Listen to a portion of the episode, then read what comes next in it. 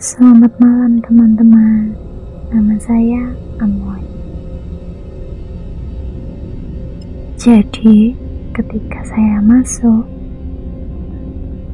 Masuk sekolah SMK ya Saya mengikuti ekstrakurikuler basket.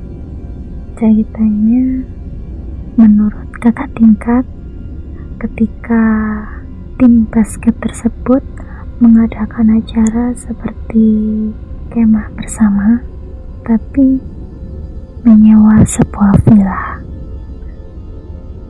Mereka waktu datang pertama kali, teman-teman sudah merasa tidak nyaman. Mungkin namanya villa jarang di tempat tinggali. Hanya di tempat tinggali jika ada yang menyewa saja. Setelah itu, ketika malam tiba, anak-anak ini mulai semakin tidak tenang karena di salah satu ruangan, ya sebut saja ruang tamu, itu terdapat sebuah foto atau lukisan itu yang lumayan besar. Uh, lukisan seorang wanita. Menurut mereka, ketika malam seperti ada yang mengawasi, tapi mereka merasa tidak nyaman dengan lukisan yang berada di depan itu. Untuk teman saya yang sensitif ini bilang kalau lukisan itu hidup karena setiap malam lukisan itu matanya bergerak jadi mengikuti ada orang lewat. Ketika tengah malam tiba, teman-teman saya yang cowok ini cukup iseng lah. Mereka yang tahu hal-hal tersebut dengan gampangnya mereka membawa sebuah menyan dan dupa. Lalu malam tersebut dinyalakanlah sama mereka itu iseng-iseng aja menurut mereka. Ternyata terjadilah yang tidak diinginkan. Teman saya yang cukup sensitif tersebut kesurupan. Dan lain pasti bingung sebingung-bingungnya dan menjerit sejerit-jeritnya karena ya posisinya mereka berada di villa yang cuman teman-teman saja dan cukup villanya itu cukup agak jauh dengan villa yang lain. Dan villa tersebut berada di uh, di depan sebuah kali lah bisa disebut sungai. Jadi belakang villa tersebut itu itu sebuah sungai dan pepohonan. Setelah beberapa lama, ada seorang ustadz yang datanglah untuk menyadarkan mereka yang kesurupan. Ya, tidak salah kalau penghuni tersebut marah, terganggu, karena mereka bisa dibilang iseng dan mereka itu kan pendatang tapi mengganggu penghuni yang berada di situ. Pasti mereka marah lah ya karena tidak dihargai juga. Setelah sadar semakin lama uh, sekitar uh, sekitar jam 1 jam 2 malam yang anak tadi ini kesurupan sudah sadar kan? Menularlah kesurupan tersebut ke teman-teman.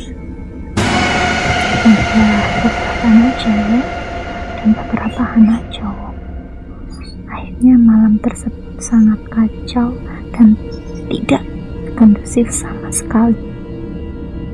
Anak-anak yang perempuan telepon ke guru agama sekolahan.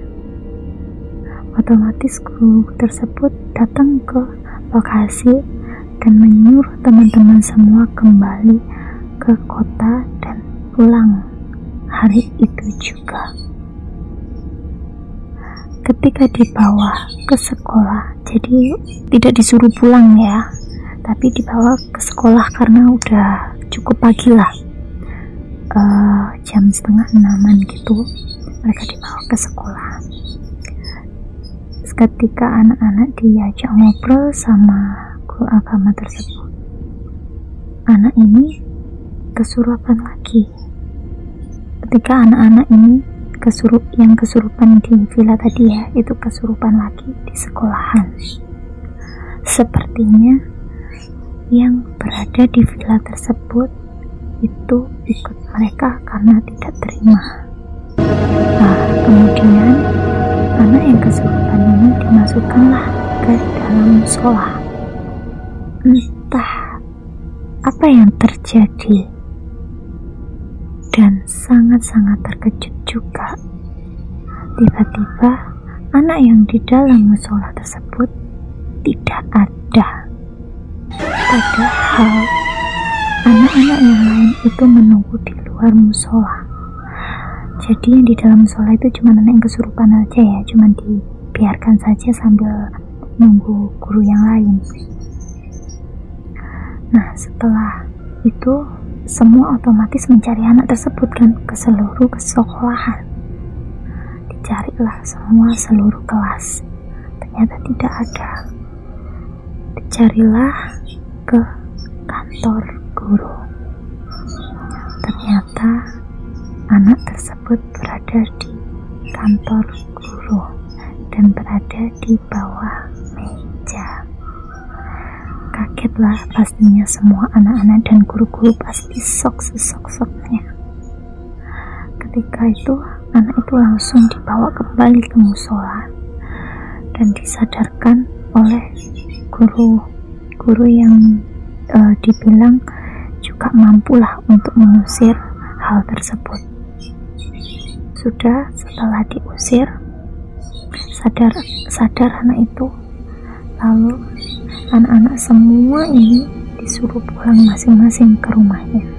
Akan tetapi dari peristiwa tersebut akhirnya dengan berat hati ya tim basket kita diberhentikan sejenak dan jika kita mau melaksanakan ekstrakuler itu lagi berarti kita harus mandiri kita tidak mendapatkan dana atau persetujuan dari sekolah. Cukup fatal akibat dari keisingan mereka yang berakibat juga ke semuanya. Saya terheran-heran ya em, oh, dengan SMK tersebut ya, ya memang. Semua sekolah pasti ada penunggunya. Tapi anehnya, sekolah ini setiap kelas, uh, ya dalam beberapa kelas itu pasti ada sebuah mainan. Mainan anak-anak, ya seperti mobil-mobilan, motor-motoran yang disimpan di dalam laci guru. Tapi memang sekolahan saya itu berada di dekat pasar. Ya kalian tahulah pasti pasar bagaimana